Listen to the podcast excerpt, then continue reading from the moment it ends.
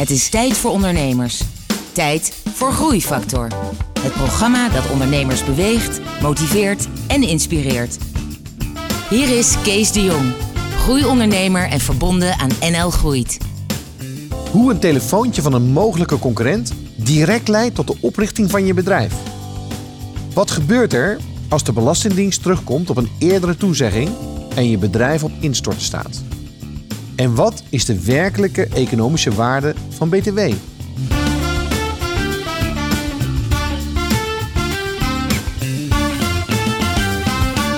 Hallo en welkom bij Groeifactor.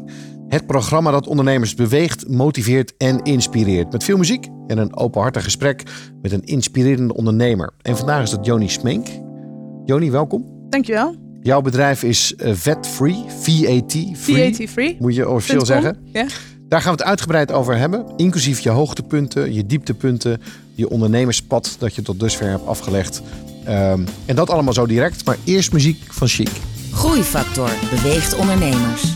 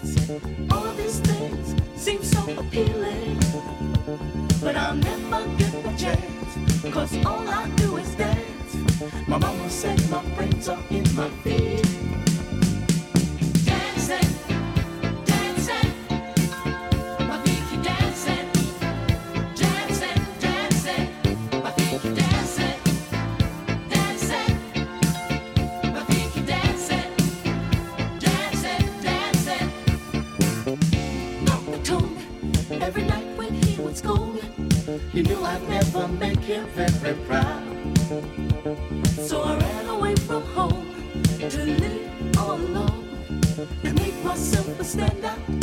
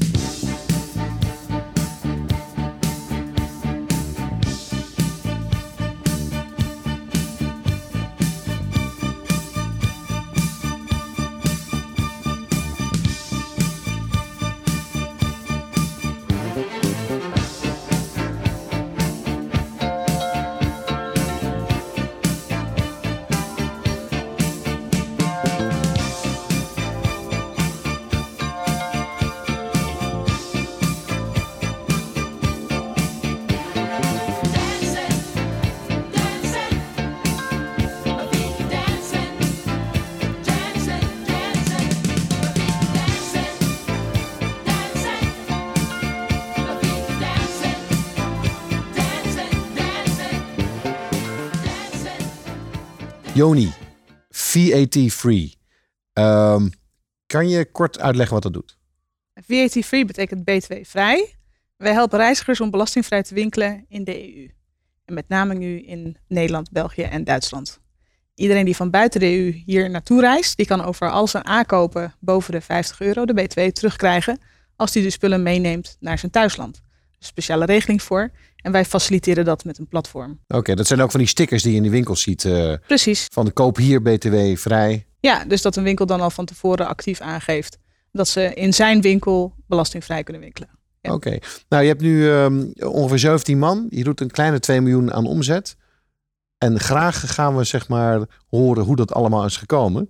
Ehm, en, dat, en dat begon al heel vroeg. Want het ondernemersbloed zat al vroeg bij jou een beetje in je lijf. Ja, het begon eigenlijk met eh, mijn eh, vader. Die eh, ehm, ehm, op een gegeven moment, nadat we terugkwamen uit Azië, ik was toen een jaar of twaalf, ehm, hier op zoek ging naar nieuw werk.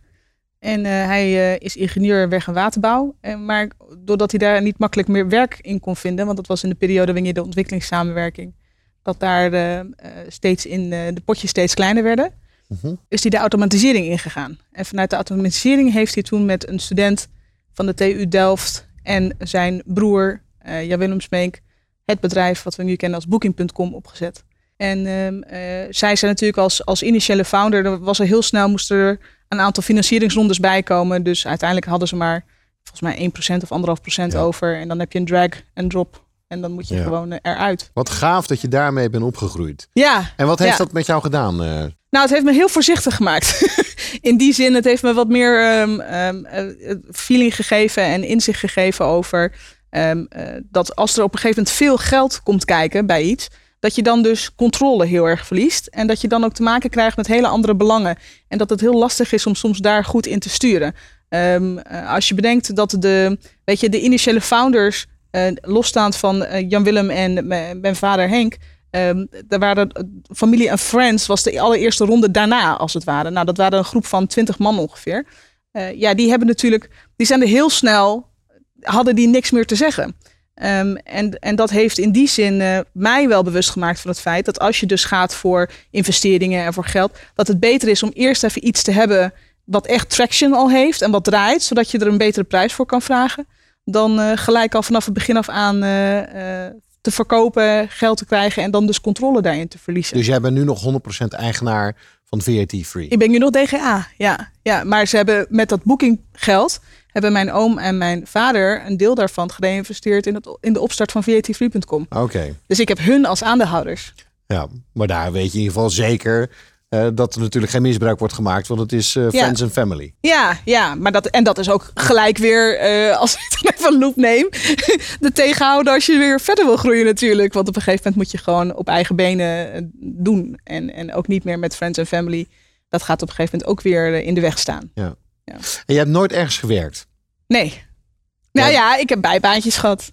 Ja. Ja. Ja. Maar je bent eigenlijk direct Ja. vanuit je studie, Ja. vanuit je studies moet ik eigenlijk zeggen, ben jij begonnen met, eh, met VAT. Met ondernemen. Wa- ja. Wat heb jij gestudeerd? Ik heb International Business and Languages gestudeerd. En ik heb eh, internationaal recht gedaan en cultuur, organisatie en management.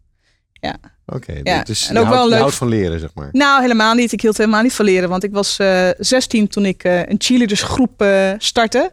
Want ik was helemaal into dancing. En, eh, en er was een eh cheerleadersclub hier in Amsterdam. En die eh, werden dan ook wel eens uitgenodigd voor televisieprogramma's en zo. Die heette de Amsterdam Admirals toen de tijd. En toen dacht ik, dat wil ik ook. Dat weet ik nog. Ja? Dat was heel vaak Ja, op televisie. En ook bij de arena en Ja. zo, die traden altijd op. En toen dacht ik, nou, dat wil ik ook. Dus ik ben daar toen op de try-out gegaan. En ik woonde in Arnhem. Dus dat was, zou voor mij dan drie keer in de week anderhalf uur naar Amsterdam en dan weer terug zijn.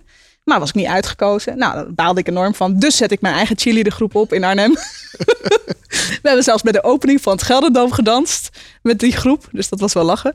Dus ik begon daar al een beetje te snabbelen, weet je wel. dus Kijk. dat was altijd wel lachen. En toen dacht je, ik ga in ieder geval niet bij een bank werken. Nou, niet, nee. Het, het, eh, het daagde me niet uit om ehm, ehm, daarin eigenlijk eh, het traditionele eh, pad te bewandelen. Ik vond het veel leuker om zelf iets op te zetten. Maar ik ehm, zag ook niet in, die periode echt de toegevoegde waarde van eh, studies in. Want ik vond eigenlijk dat ik op school niet... alles wat ik leerde, dat was... niet gelijk in de praktijk toegepast. Dus daar kon je dan altijd nog sceptisch over zijn. Maar werkt dat dan echt zo of niet? Dus op een gegeven moment had ik besloten, nou, ik ga gewoon naar New York. Dus ik heb de boel de boel gelaten. En eh, ik was toevallig ook verliefd op een jongen die in New York woonde. Dus ik had gezegd, ik ga gewoon mijn leven daar opbouwen. En dan eh, zie ik wel, ik hoef ook niet meer te studeren. Ik had mijn VWO afgerond. Ik denk, ik zie wat ik doe. 18, Eh 19? 19 was ik toen. Ja, dus ik denk, ik zie het allemaal wel. En eh, nou, mijn vader die heeft nog geprobeerd me eruit te praten. Die zei, nou nee, het is belangrijk dat je natuurlijk wel een studie hebt. Ik zei, nou, de beste ondernemers in de wereld die hebben nog nooit gestudeerd. Dus misschien juist niet.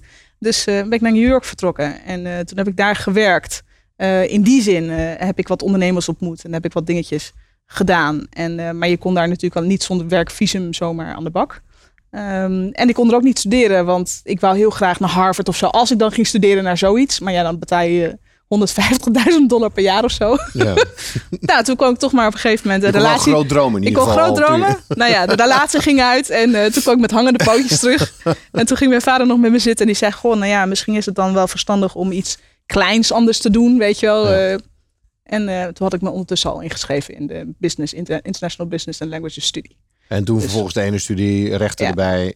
Maar Ja. je ondernemerschap is begonnen, tenminste naast die, die cheerleaders dan, na eh, de Summer School ondernemerschap. Ja, toen Toevallig werd serieus. dat betaald door ABN AMRO of gesponsord. Het werd gesponsord door de ABN AMRO En in combinatie met de VU. Ja, want ehm, mijn eh, eh, oom kwam toen terug uit eh, Tanzania. Die was vertrokken na dat boekingsverhaal. Was die vertrokken naar Tanzania. En, ehm, en die liep eigenlijk tegen de lamp op met dat belastingvrij winkelen.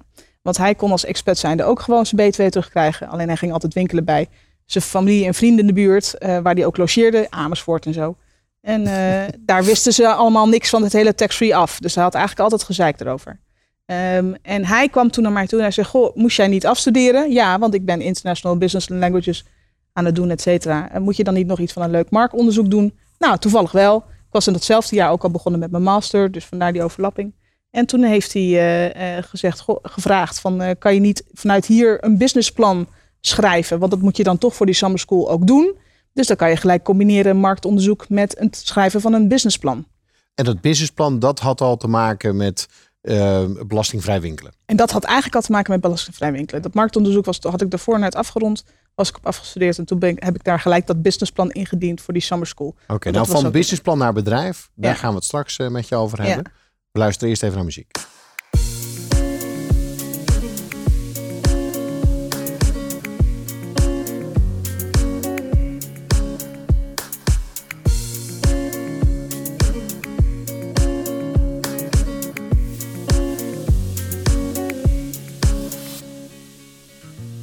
Kiss your mouth and swallow you whole. And hold in my claim like an old 49er. Wayward skinny, for dust in the room. From that holy word coming down. You and me. So yes, I'm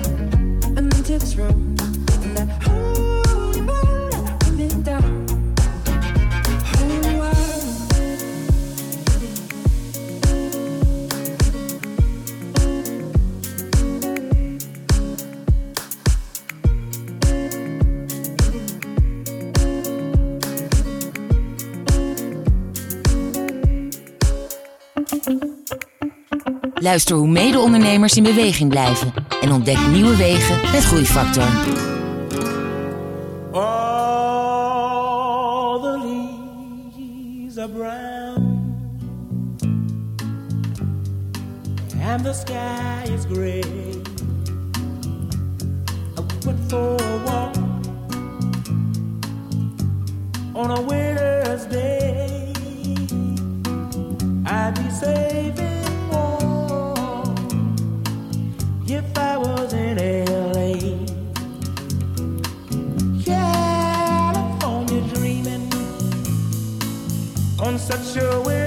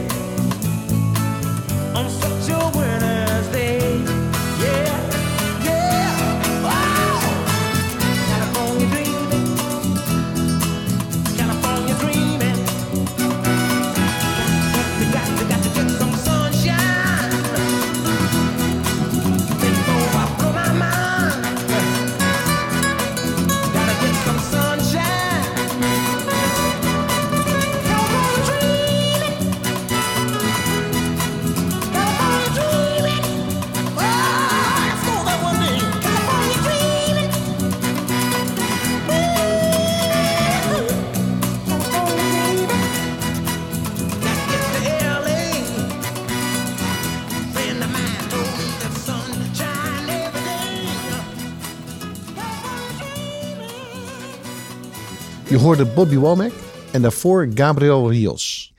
Joni, je legde net uit dat je eh, vanuit jouw studie een onderzoek hebt gedaan voor jouw oom. Ja. hè, een van de oprichters van, eh, van Booking.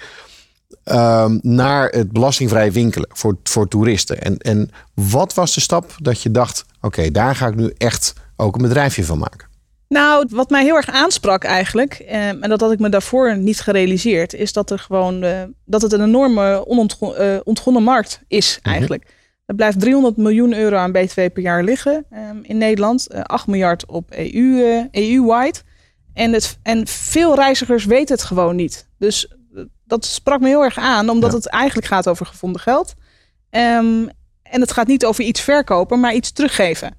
Ehm, eh, dus dat was in eerste instantie ja, de, de- de En, marktpotentie. en we hebben het nu over ehm, zeg maar 2005, 2006. klopt dat? 2006, ja, in de zomer van 2006.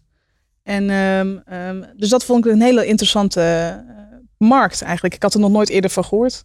En eh, als ik dan om me heen vroeg, de meeste mensen die reageerden ook vol verbazing. Oh, kan dat dan echt? Eh, oh, oh hoe, maar hoe werkt dat dan? Oh, is dat zo? Nou, dan ga ik dat ook eens een keer proberen. Dus je kreeg ook heel veel positieve respons van mensen. Die dat allemaal een heel gaaf idee vonden. En wanneer dacht jij, hier moet ik iets van maken? ik eh, had het businessplan geschreven om te kijken of het feasible zou zijn om er iets in te starten. En ehm, eh, ik heb dat ook moeten presenteren in die summer school voor de board van onder andere ABN AMRO. En eh, de- degene die dan het beste feasible businessplan had, die had dat gewonnen. En, en ik had ook gewonnen, dus dat was heel gaaf. En dan had de bank, die, die was dan zodanig serieus dat ze zeiden, nou ja, we geven je natuurlijk consultancyuren. En, eh, maar we geven je ook eh, toegang tot een lening. En eh, dan kan je naast dat je een bedrijf zou opstarten, ehm, eh, ook met een stukje geld in de weer gaan. Ehm, dat was voor mij een teken om het echt serieus te nemen. Ik dacht, nou ja, als ik al een beetje geld heb. En Hoeveel toevallig had mijn eh 150.000 euro. En toevallig hadden mijn, had mijn oom en mijn vader gezegd, nou weet je wat, dan matchen wij dat. Dus dan kan je met drie ton in ieder geval aan de slag. Dan dacht ik, nou, nou dat is, dan kan je echt serieus wat stappen gaan zetten. Maar besef jij eerst- hoe weinig ondernemers dat voordeel hebben? Dat nog voordat ze begonnen zijn, dat ze 300.000 startkapitaal Ja. hebben. Ja. ja, dat besef ik me wel. Ja. Ja, nee, dat besef ik me wel. Dat was ook wel heel gaaf. Ehm, maar het was gelijk, tegelijkertijd ook een druk. Want het is dan wel een lening. Ehm, ehm, dus je moet er dan ook echt voor willen gaan. Dus ik was een beetje in limbo. Ga ik er nou echt voor of niet? En toen kreeg ik een telefoontje. in oktober, eh 20 oktober, kreeg ik een telefoontje van de accountmanager van mijn grote concurrent. En die vertelde mij aan de telefoon, die zei: Ja, ik eh, hoor dat je in de markt eh, eh, hebt zitten rondvragen over dat tax-free winkelen. En wij hadden een event op de, bij de beurs van Berlage en daar heb je voor ingeschreven. Dat klopt ook, had ik me ook voor ingeschreven. Ik denk, hartstikke leuk, ga ik eens kijken. Maar wat ga je dan doen? Zeg ik, nou ja, ik zit erover te denken of ik niet in deze business ook een dienst ga leveren voor tax-free shopping. Nou, dat raad ik je ten zeerste af. Dan word je alleen maar heel ongelukkig van in deze markt. Nou, ja, de volgende dag heb ik de KVK eh, ingeschreven. Want het is meestal teken dat er mooie marges dat betekent, gehaald. dus, dat betekent dus dat er iets markt te halen viel. Ja. Weet je? En dat was voor mij was dat eigenlijk een beetje de push om het te gaan doen. Ik was daarvoor nog een beetje in limbo. Ik dacht, nou, veel, weet je wel, veel te doen. eh, kan ik dat eh, allemaal wel echt aan? was nog een beetje onzeker. Maar, dus jij naar de Kamer van Koophandel, jij Ja. schrijft je in. Maar Ja. dan, hoe begin je dan? Want dan moet je winkeliers hebben, je moet een soort systemen hebben. Je Ja. moet, op Schiphol zie je vaak van die, Ja. van die eh, loketjes waar mensen dan hun geld kunnen terugvragen. Hoe verdien je dan geld? Is het dan een percentage? Ik ging als eerste naar de Belastingdienst. Ik ben naar de Belastingdienst gegaan en ik heb gewoon aan de Belastingdienst gevraagd. Ik zeg, nou, nu Ik ga jullie die 300 miljoen afnemen. Ja, de, Belastingdienst die wil gewoon lekker de, de, de, de regels goed uitvoeren. Dus dat zal hun verder een worst wezen. Maar zij, eh, ehm, ik heb aan ze gevraagd van... Goh, als ik nu naar die markt kijk... is als iemand zijn BTW terug wil vragen... dan moet hij een aankoopbon in de winkel vragen. Dan moet hij vervolgens met die aankoopbon naar Schiphol. Op Schiphol moet hij naar een speciaal douaneloket. Laat hij de aankoop zien. Laat hij zijn aankoopbon zien. En zijn ticket dat hij da- die dag vliegt als de douane een controle heeft uitgevoerd van ah, je hebt echt die spullen bij je, oh, je woont ook echt in het buitenland, dan stempelen ze de aankoopbon af. En met die afgestempelde aankoopbon kan die klant dan weer terug naar de winkel. En dan kunnen ze bij de winkel een verrekening van die BTW vragen. Want wat er eigenlijk dan gebeurt, die winkel zegt, ik heb verkocht. Ik dacht aan iemand die hier woonachtig was, is niet zo. Dus ik crediteer dat en ik verkoop en Ja. lever eigenlijk buiten de Ja. EU. Dat is eigenlijk wat er gebeurt. Dus dat werkt natuurlijk niet. Dus dat werkt niet, want Nee. iedereen die staat op Schiphol en dan heb je afgestempelde aankoopbonnen. En dan denk je, ja, moet ik nou echt nog terug naar winkeliers? Dus die gaan dat dan vanuit thuis proberen te doen of niet. Nou, heel gedoe over. En voor mij, wat, wat, ik vond het heel bijzonder dat ze terug moesten naar de winkel. Want de winkel droeg het gewoon af aan de Belastingdienst. Dus ik ging eerst met de Belastingdienst praten. Kunnen we niet regelen dat de, jullie als Belastingdienst zijnde die BTW gewoon rechtstreeks terugbetalen? Ik zeg, dat is toch veel makkelijker dan die winkeladministraties allemaal belasten. Nou, goed idee. Hoe wil je dat dan doen? Nou, ik had een heel plan eh, daarvoor uitgeschreven.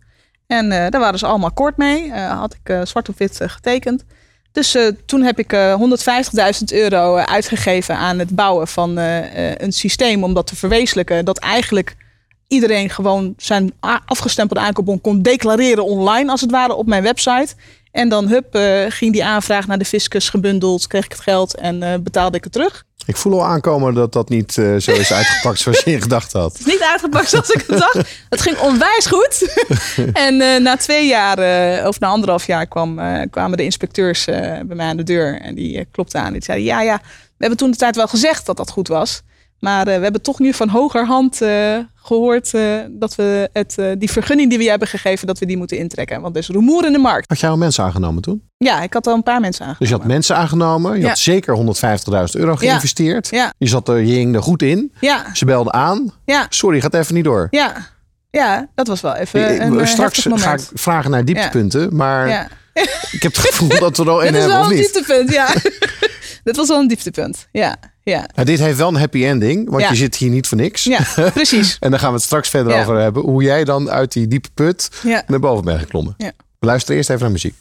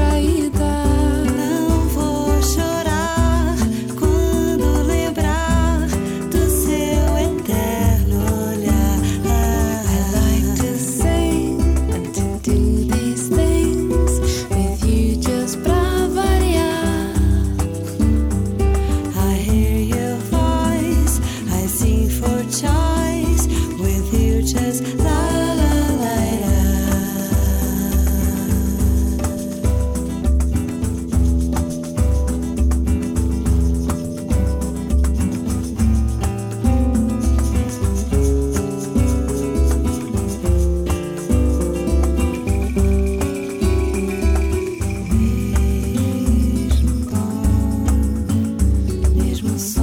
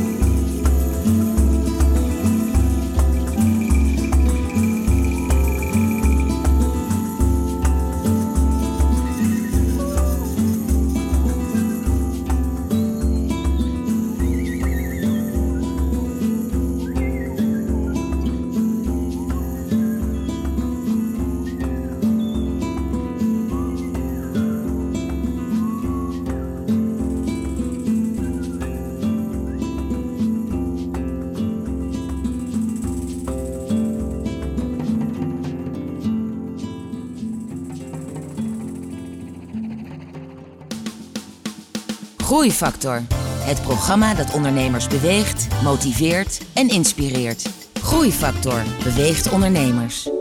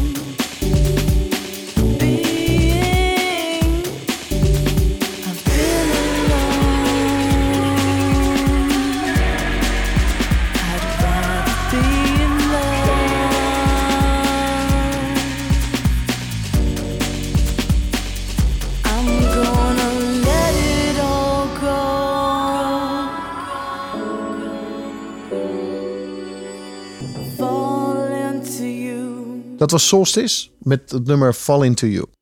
Joni, Ja. ehm, dit programma gaat ook over muziek. Eh, hoe belangrijk is muziek voor jou in jouw ondernemerschap? Ehm, muziek is natuurlijk wel eh, waar ik om begonnen ben. Dans en muziek eigenlijk. Hoe ik begonnen ben te ondernemen. Met de cheerleaders. Met de cheerleaders. Dus dat was, heel, eh, dat is een heel belangrijk eh, ehm, eh, onderdeel van, van wat ik deed. Toen op een gegeven moment is het met de start van het hele tax-free shoppen... Heeft het, is het naar de achtergrond geschoven. En toen ontmoette ik mijn man. En die is eh, ook DJ. En die is elke Oh. dag met muziek bezig. En die maakt ook elke dag muziek op allemaal synthesizers. Is het een beroemde DJ? De woonkamer eh? ligt vol. Nee, het is geen beroemde DJ, want hij is eigenlijk een eh, best bekende art director. maar, maar hij is altijd muziek willen gaan, heeft hij altijd willen produceren en willen maken. Hij heeft het eigenlijk nooit aangedurfd, maar doet dat nu sinds een paar jaar en het klinkt ook echt goed. Eh, dus wie weet dat hij daar eh, nu eh, stappen in wil gaan maken. Maar ehm, eh, dus de muziek kwam toen weer helemaal terug naar ja, weer centraal in, in, in alles wat we eigenlijk doen. Niet alleen ondernemerschap, maar ook gewoon het verwerken van emoties en het, weet je wel, het, het even rust ook. Het kan heel veel rust geven, een bepaald nummer of een bepaald stukje muziek of heel veel empowerment ineens geven. Dus het, het doet wat voor je mindset. Welke, welke, welke muziek geeft jou rust? Waar luister je dan naar? Ehm, ik vind satie heel mooi. Dus dan, ik eh, luister dan een beetje naar klassieke muziek. Ehm, eh, dat brengt mij rust. Maar ook, wat mij ook rust brengt is Peruaanse muziek. Wat een beetje vrolijk Die, is. die, panfluiten. En eh, nee, dat niet zozeer. Maar bijvoorbeeld Eva Jong, dat is dan een best wel een Peruaanse hele bekende zangeres. En die heeft een beetje Afrikaanse invloeden eh, in het Zuid-Amerikaanse. Dus het is geen salsa, maar het is wel een lekkere beat muziek waar je ook gewoon een beetje op kan dansen. eh, zonder helemaal los te gaan, als het ware. Ehm, dat geeft mij heel veel rust, want dat, daarmee laat ik dingen los. Ehm, ehm, en, eh, ja, en ik hou heel erg veel van, van soul en van disco. En, s- Want we hebben jou gevraagd om nu ook na te denken wat je zou willen luisteren. ja. En, waar, waar ben je op terechtgekomen? Ja, ik eh, ben eigenlijk ge- gekomen op Curtis Mayfield van Move On Up. Het is een nummer wat ehm, ehm, heel erg eh, ja, eh, activistisch eigenlijk is. Want waar gaat het over? ja, hij heeft dat nummer heeft hij geschreven om de Black Power Movement eigenlijk, om dat een beetje Wow. steun te geven. Actueel. Dat is nu weer actueel. Ja, dat was toen In natuurlijk. de jaren zestig. Ja, was dat niet zo? Het is een nummer wat ook niet de hitcharts heeft gehaald en eigenlijk ook niet echt gedraaid werd. Dus dat is een beetje eh, ondergronds eh, werd, werd die muziek gedraaid. Maar het is een nummer wat altijd, ja, ik draai het heel vaak. Ik draai het wel vier, vijf keer in de week, denk ik. Eh, maar puur de, die Wow. playlist van Curtis Mayfield. Want hij heeft een hele gave, weet je waar de- wat dat nummer ook tussen staat, hij heeft er gewoon een heel gaaf playlist daarvan. Daar krijg ik altijd heel veel energie van. Ehm, eh, en niet per se om dan heel zwaar activistisch eh, te worden of iets dergelijks. Maar wel om gewoon te gaan staan voor waar je gelooft. En dat is wel, dat is denk ik hetgene wat me heel erg raakt in dat nummer. Oké, move Ja. on up. Move on up.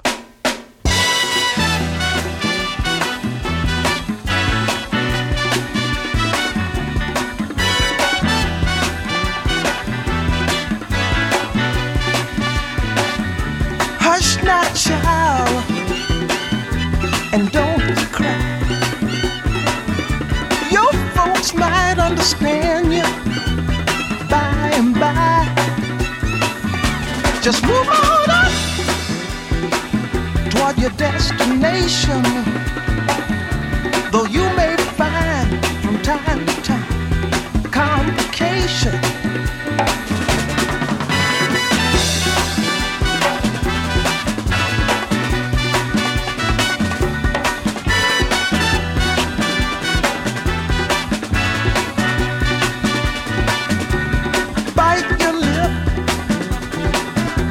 And take the trip.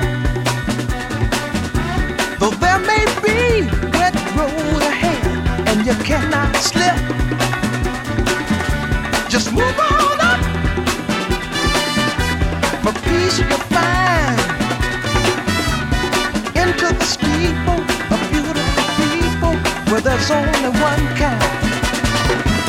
So hush not, child, and don't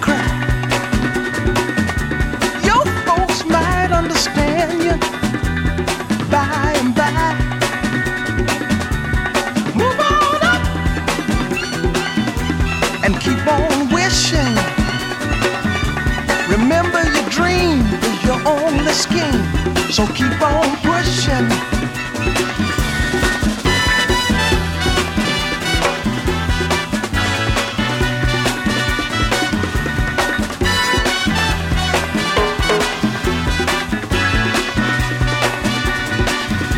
Take nothing less than the supreme best.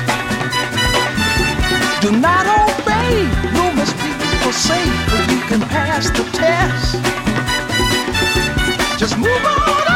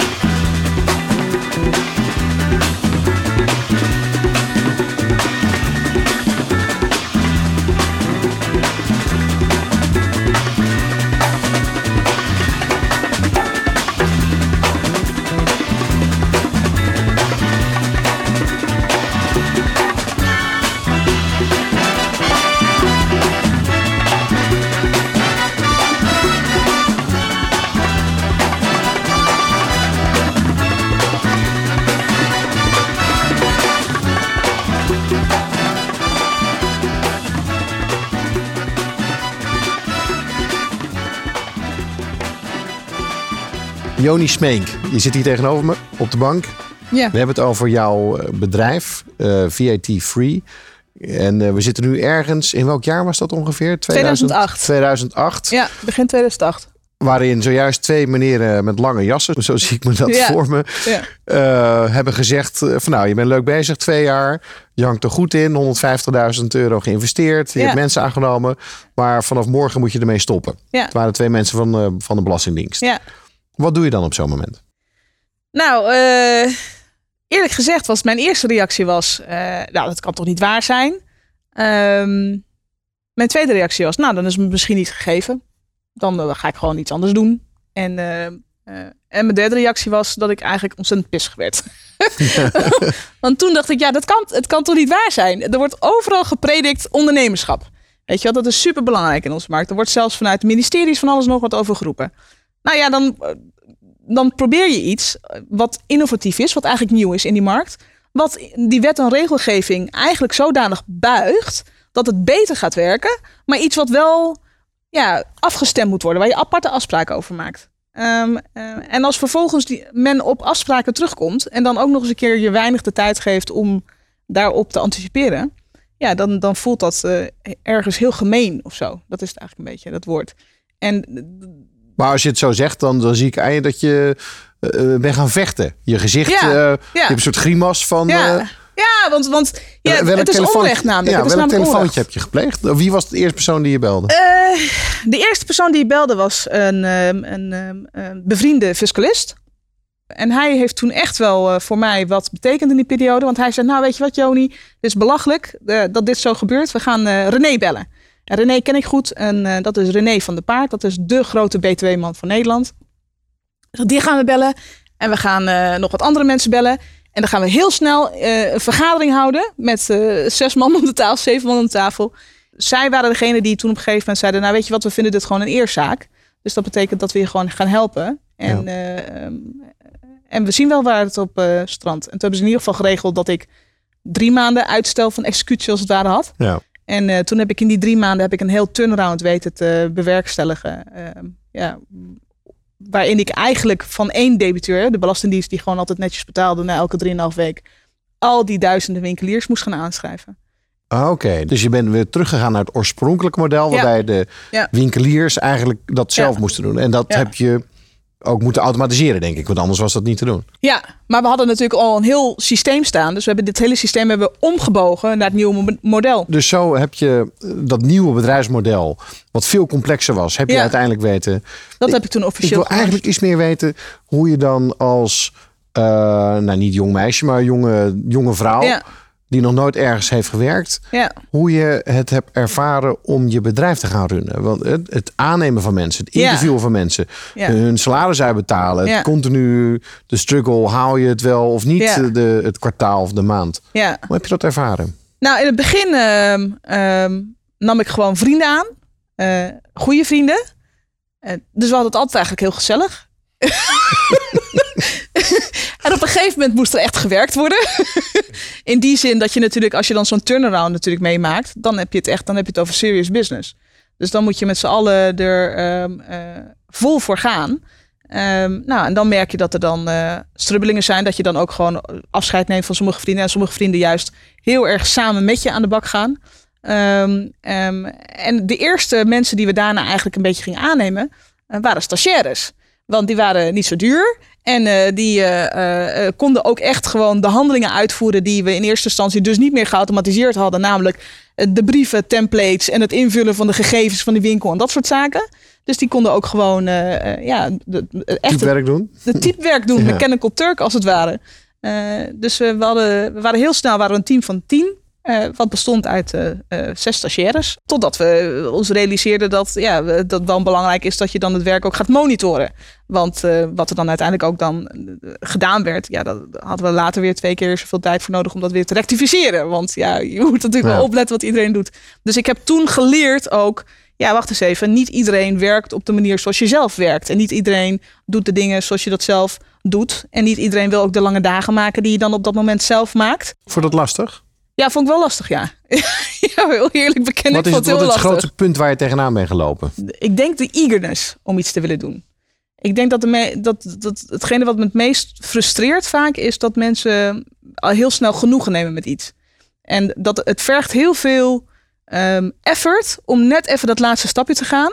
Eh, maar ik haal daar heel veel trots uit, omdat ik dan ook weet dat het goed is. En ik merk gewoon dat het bij heel veel niet zo is. Dat het bij heel veel Maar is van, dat ja, niet het verschil gedaan. tussen ondernemers en medewerkers? Ja, dat, dat zou je kunnen zeggen. Aan de andere kant, ik heb nu wat mensen voor me werken die dat ook hebben. En dat zijn dan ook niet echt ondernemers, maar wel misschien de ondernemende. Dus, dus daar selecteer je op. Dus daar selecteer ik nu wel op. Is wel een- Hoe dan? Dus door eigenlijk gewoon ehm, echt te kijken naar de persoon. En ook een beetje te vragen naar hoe zo'n persoon ook zijn leven leeft. Ehm, eh, ik heb gewoon gemerkt dat, dat eh, als je kijkt naar grote wereldproblematieken, ehm, eh, waar we allemaal mee te maken hebben, is dat er vaak twee reacties zijn. De reactie van ik ga me helemaal innestelen en ik kan er toch niks aan doen, dus laat het allemaal maar zitten. En de reactie van ik ga er gewoon iets aan doen, maakt niet uit wat. Ehm, en ik zoek de laatste soort mensen, die zoek ik. Ik wil straks met je verder praten over hoe het is om je bedrijf te leiden. Als hè, onervaren leider. Ja, ja. Gaan we het straks verder over hebben. Maar eerst is het tijd voor muziek van India Ari met Can I Walk With You.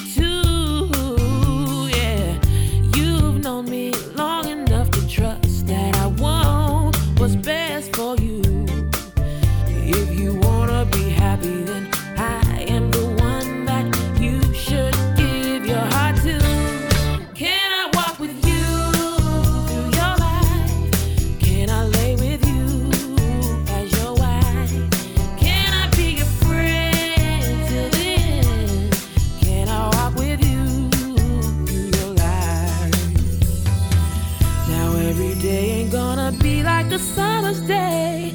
Being in love for real, it ain't like a movie screen. But I can tell you all the drama aside. You and I can find what the world's been looking for forever. Friendship and love together. Can I walk with you through your life? Can I lay with you?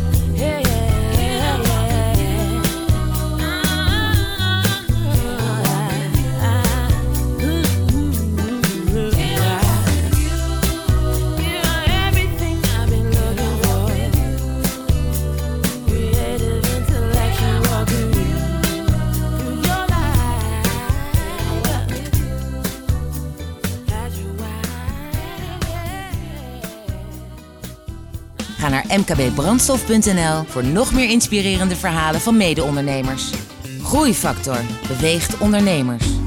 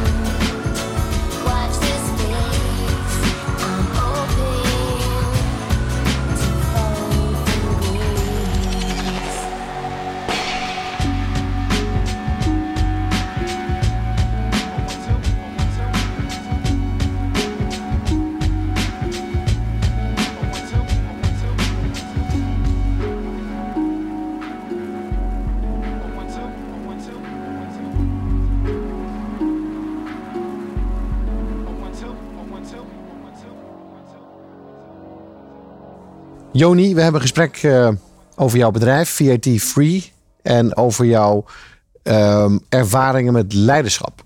Je was van een meisje achter in de twintig. Moest je opeens mensen gaan leiden. Ja. Hè? En dat is dus motiveren, inspireren, feedback geven. eh, eh, beoordelingsgesprekken houden. Hoe is je dat Dat is met heel veel vallen en opstaan gegaan. En ik denk dat ik nu pas een beetje, sinds een half jaar misschien een beetje door heb. Wat had je niet door in het begin? Ik denk wat ik niet door had, is dat ehm, ehm, ik zag mensen die ehm, meededen voor een periode van hun leven en, en bij mij eh, kwamen werken. Eh, Ik, ik heb heel erg result-driven en, en kapitalistisch er eigenlijk altijd naar gekeken. Eh, van, nou, jij doet wat voor mij en ik doe wat voor jou. Dus jij komt bij mij werken en daar krijg je salaris voor. En dan op een gegeven moment realiseer je dat dat, dat dus niet werkt. Dat, eh, dat je dat dus niet kan inkopen omdat het nog steeds gaat over mensen. Die, weet je wel, en, en ik kan. Je kan het nooit afkopen ook. Door kan het ook nooit afkopen. Nee. en dat is wel, en dat is echt een learning geweest. En ik denk dat ik nu, wat ik heb moeten leren, is te zoeken ook naar eh, mensen die gewoon eh, ehm, ook wat echt kunnen en ook wat ouder zijn en dus ook meer eisen. En dat dat ook prima is, omdat dat uiteindelijk heel veel toegevoegde waarde biedt in een company culture en toegevoegde waarde biedt in een, de bezieling van je organisatie. En dat, dat, dat je dan dus ook niet meer alleen hoeft te doen. Ik heb eigenlijk altijd een beetje het gevoel gehad dat ik het dan alleen deed met een hele rits mensen achter me aan. Ja. Weet je wel? En, eh, eh, Maar eigenlijk heb jou, jouw leiderschap en jouw zeg maar, managementontwikkeling ook een soort van learning on the job. ja, Je hebt dat nooit Ja. echt nee, geleerd. Ik heb het eigenlijk dat, nooit geleerd. Nee. Je hebt dan nu inderdaad dat leiderschap eh, onder de knie. Eh, waarom is Fat Free eigenlijk niet nog eens een keer tien keer groter? Ja, ik denk dat er, dat er een aantal factoren zijn. Ehm, eh, de eerste is dat, en ik denk dat dat misschien de allerbelangrijkste is, is ik moet gewoon ook de beslissing maken om het gewoon te doen. Ik moet dit varkentje wassen, Ja. omdat ik nu denk ik een van de weinige mensen over de hele wereld ben die eigenlijk al die aspecten van die tax-free markt heb gezien nu. Ja. Eh, ik ben de jongste in de markt met mijn bedrijf. Ehm, het is een business waar, waar veel nu in omgaat. Ik zie de frustratie van reizigers elke dag. Ja. Ik zie ook frustraties van retail elke dag. Dus ik heb nu ook voor mezelf kan ik ook vinden ik- waar het antwoord nu zit. Dus als ik het nu oplos en het nu echt een fintech platform maak, dan is dat de basisplatform om allemaal andere gave dingen te doen. Namelijk dat die hele toeristenstroom die hier naartoe gaat, om die ook echt in contact te brengen met lokale groene ondernemers. De echte Amsterdamse ondernemers. In plaats van wederom weer in de Kalverstraat met alle brands die je ook thuis hebt. Eh, dus dat is de basic van dat soort dingen. En ook de basic van, oké, wat ga je doen als je eenmaal dat geld terug hebt? Want geld is maar een middel tot iets. Dus, dus van VAT-free terugvragen van bonnetjes word je een leidend fintech-platform. Wat, Shop, wat echt een shopping guide. Ja, echt een shopping guide. En dan, hoe groot reikt je ambitie? Is dat Amsterdam, Rotterdam? Of Europees. is dat eh, Europees. ja, geen Ja. Tokio en Los Angeles? Dat zou ik helemaal te gek vinden, maar ik denk dat ik... eh, ik wil Europa uitrollen. Ehm, eh, daar heb ik nu mijn zinnen echt op gezet.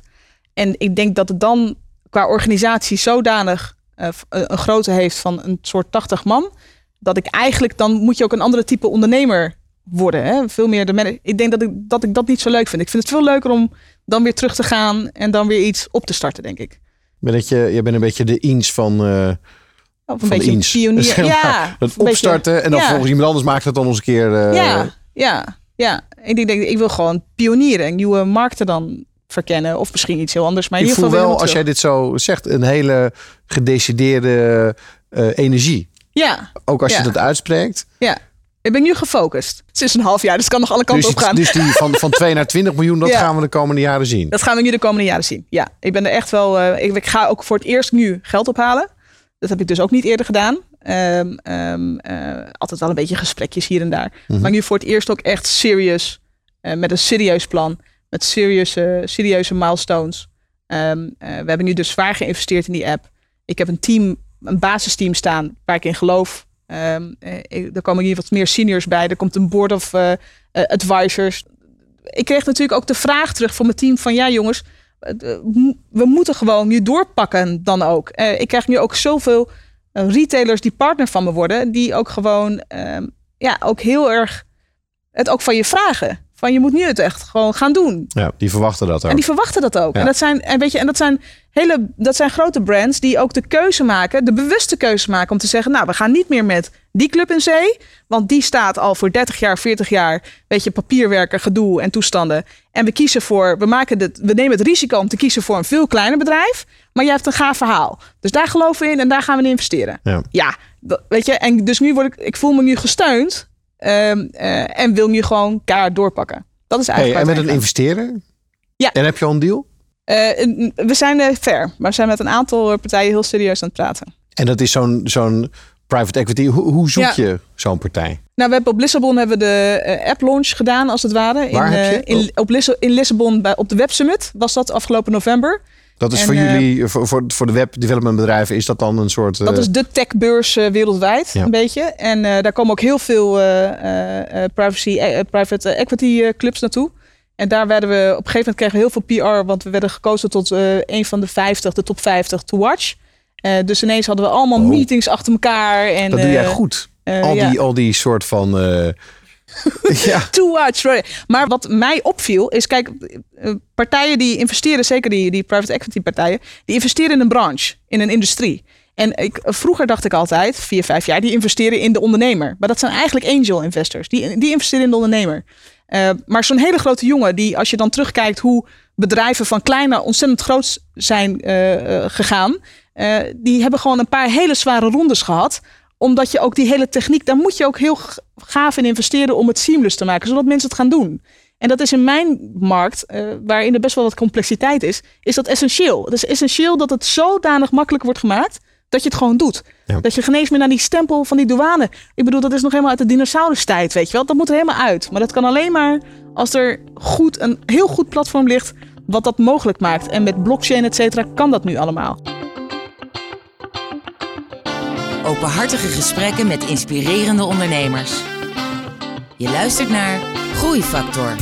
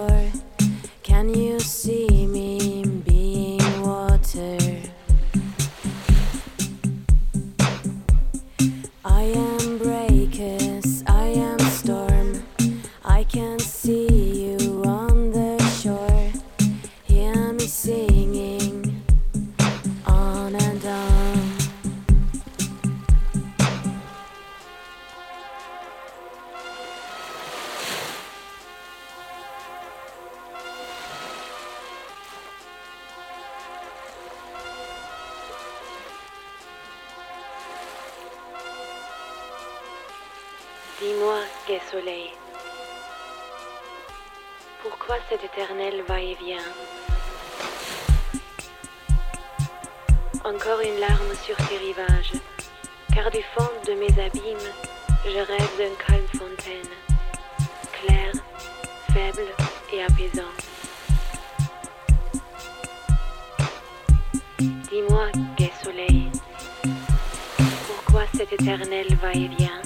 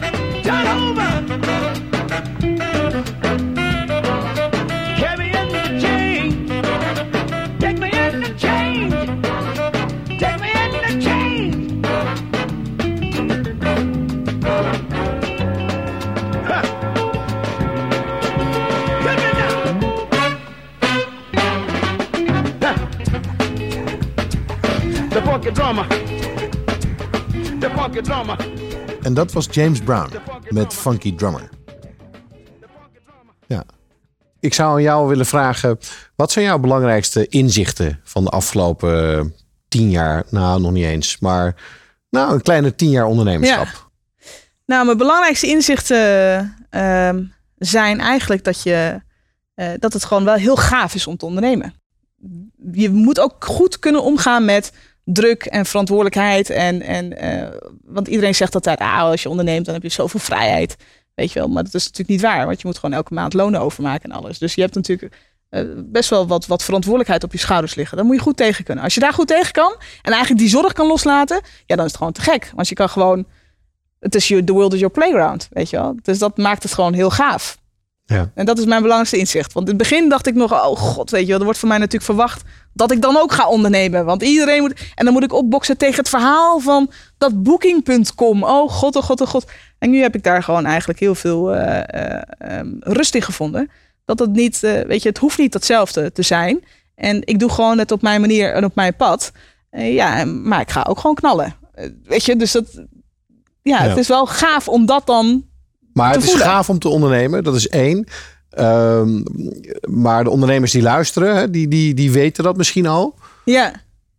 Dus voor de ondernemers. zou, zou bij jou heeft er iets, is er iets plaatsgevonden dat jij de eerste, laat ik zeggen, nou pak een beetje 9,5 jaar, Ja, hè, ben je doorgekacheld, je hebt geleerd. ja, En in het laatste half jaar is er iets gebeurd. Ja. Waardoor, hè, dat is een beetje timing. Hè, die, met wat jij doet. Het is eh, fintech, het is opeens hip en hot. Maar er is ook iets met jou gebeurd. er is ook iets met mij gebeurd. En ehm, ik, ben, ik ben er gewoon nu klaar voor. Ik ben er klaar voor om het gewoon groots te doen.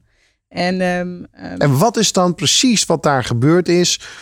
Wat, wat andere ondernemers misschien ook kunnen creëren of in zichzelf oproepen? Weet je, het is gewoon een, het is best lastig, want het is een feeling. Weet je, ik kan niet van het gevoel af. Dus er is een soort innerlijke, er is een overtuiging ergens waar, waar ik niet van afkom. En de grap is, dat is vaak hetgene wat leidt uiteindelijk ook tot dat het echt werkt en echt een succes wordt.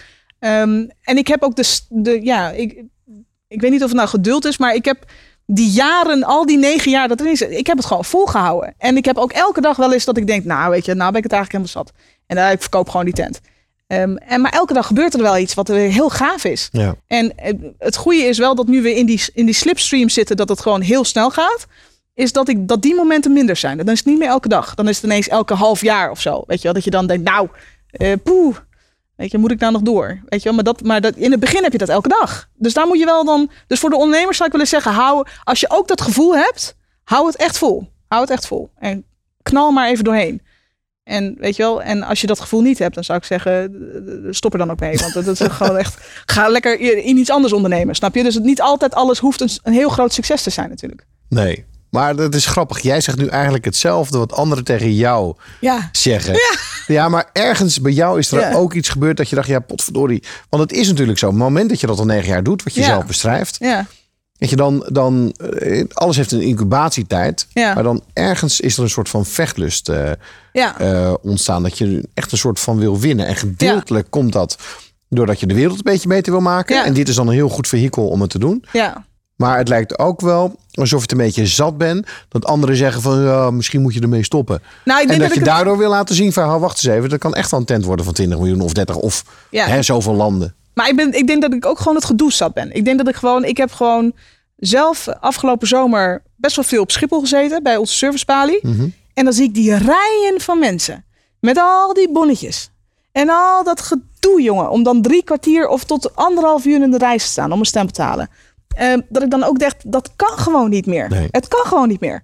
En het is gewoon van de zotte dat het nog steeds is. En het is van maar de zotte... dit is een goede energie. Want dit, Ja. dit zie je vaak bij succesvolle bedrijven. Dat iemand zich heel erg boos maakt over een probleem. Ja. En, en dat is misschien wel een beetje Maar de zie. technologie is er nu om het ook te doen. En dat Ja. was er niet vier, vijf jaar geleden. Want de, de problematiek van dat stempelen is dat je moet zeker weten dat iemand zijn spullen met zich mee heeft. Ja. Want er wordt anders best wel wat in gefraudeerd. Ja. Dus daarom staat iedereen heel stom in zo'n douanerij, weet je wel. En dan moeten er weer, weet je, allemaal douanebeambten worden aangenomen. En die ook allemaal niet heel erg happy zijn. Want die worden allemaal van dat hele gave marechaussee-werk afgehaald. om te gaan stempelen bij een des. Dus eigenlijk zijn ze zelf ook een beetje het zulletje. Ja. En dus, dat, dus iedereen is daar negatief in. Snap je? je negen, eh, staat lang in de rij. Oh, dan een douanebeambte. Ah, moet ik weer stempelen. En dan weer terug naar die winkelier. Ach, gat, krijg ik weer die afgestempelde bonnen, weet je wel. Woe. Dus, en terwijl het eigenlijk een heel positief iets is. Als dat gedoe er maar uithaalt. Ja. Weet je wel? En, en, als dat, en dat is wel... Ik heb het haakje nu gevonden om het te kunnen doen. En dat is denk ik de verandering geweest. Ja. Ik heb vorig jaar gewoon gezegd... Luister eens, als we hem helemaal opnieuw optekenen. Forget about everything that we did. Met alles wat we weten. Als we vandaag een schoon nieuw bedrijf zouden beginnen. Hoe zou het er dan uitzien? En toen En- kwam er en- ineens een en- plan op tafel. en dat ben je aan het bouwen werkt. nu, ja. En dat is wat we toen zijn gaan doen. Toen heb ik gezegd, oké, maar dat ga ik maken. Want daar heb ik voor gekozen. Dat andere ben ik in gedwongen. Ik heb ben gekozen met een eerste businessmodel. Ja. Vervolgens moest ik gedwongen in een heel ander businessmodel. Nou, daar heb ik me helemaal de schompers in gewerkt om dat te surviven. En nu heb ik weer iets kunnen kiezen waar ik weer in geloof. Waar ik echt denk, maar dit werkt echt. Dit werkt. Dat is, dat is de verandering, denk ik. Nou, heb je dat toch hè, eruit gekregen. Het venijn zit in de staart, denk ik, Ja. in dit eh, interview. Ja. Dus niet opgeven, gewoon door. Gewoon Nee, ik, zie een, eh, ik zie een vrouw met een eh, vurige missie. Die, die, Ja. die dat wil oplossen. Die daar iets wil in veranderen. Ja. Eh, Joni, eh, ik wil je enorm bedanken voor dit interview. En, en, ik, en ik geniet van je vurigheid en van, van de hernieuwde ondernemingslust Ja. die ik eh, in je ogen zie. Dus eh, enorm bedankt voor dit interview. Hetzelfde. Iedereen bedankt voor het luisteren naar deze aflevering van Groeifactor. Graag tot de volgende keer en nog een fijne dag. Ga naar mkbbrandstof.nl voor nog meer inspirerende verhalen van mede-ondernemers. Groeifactor beweegt ondernemers.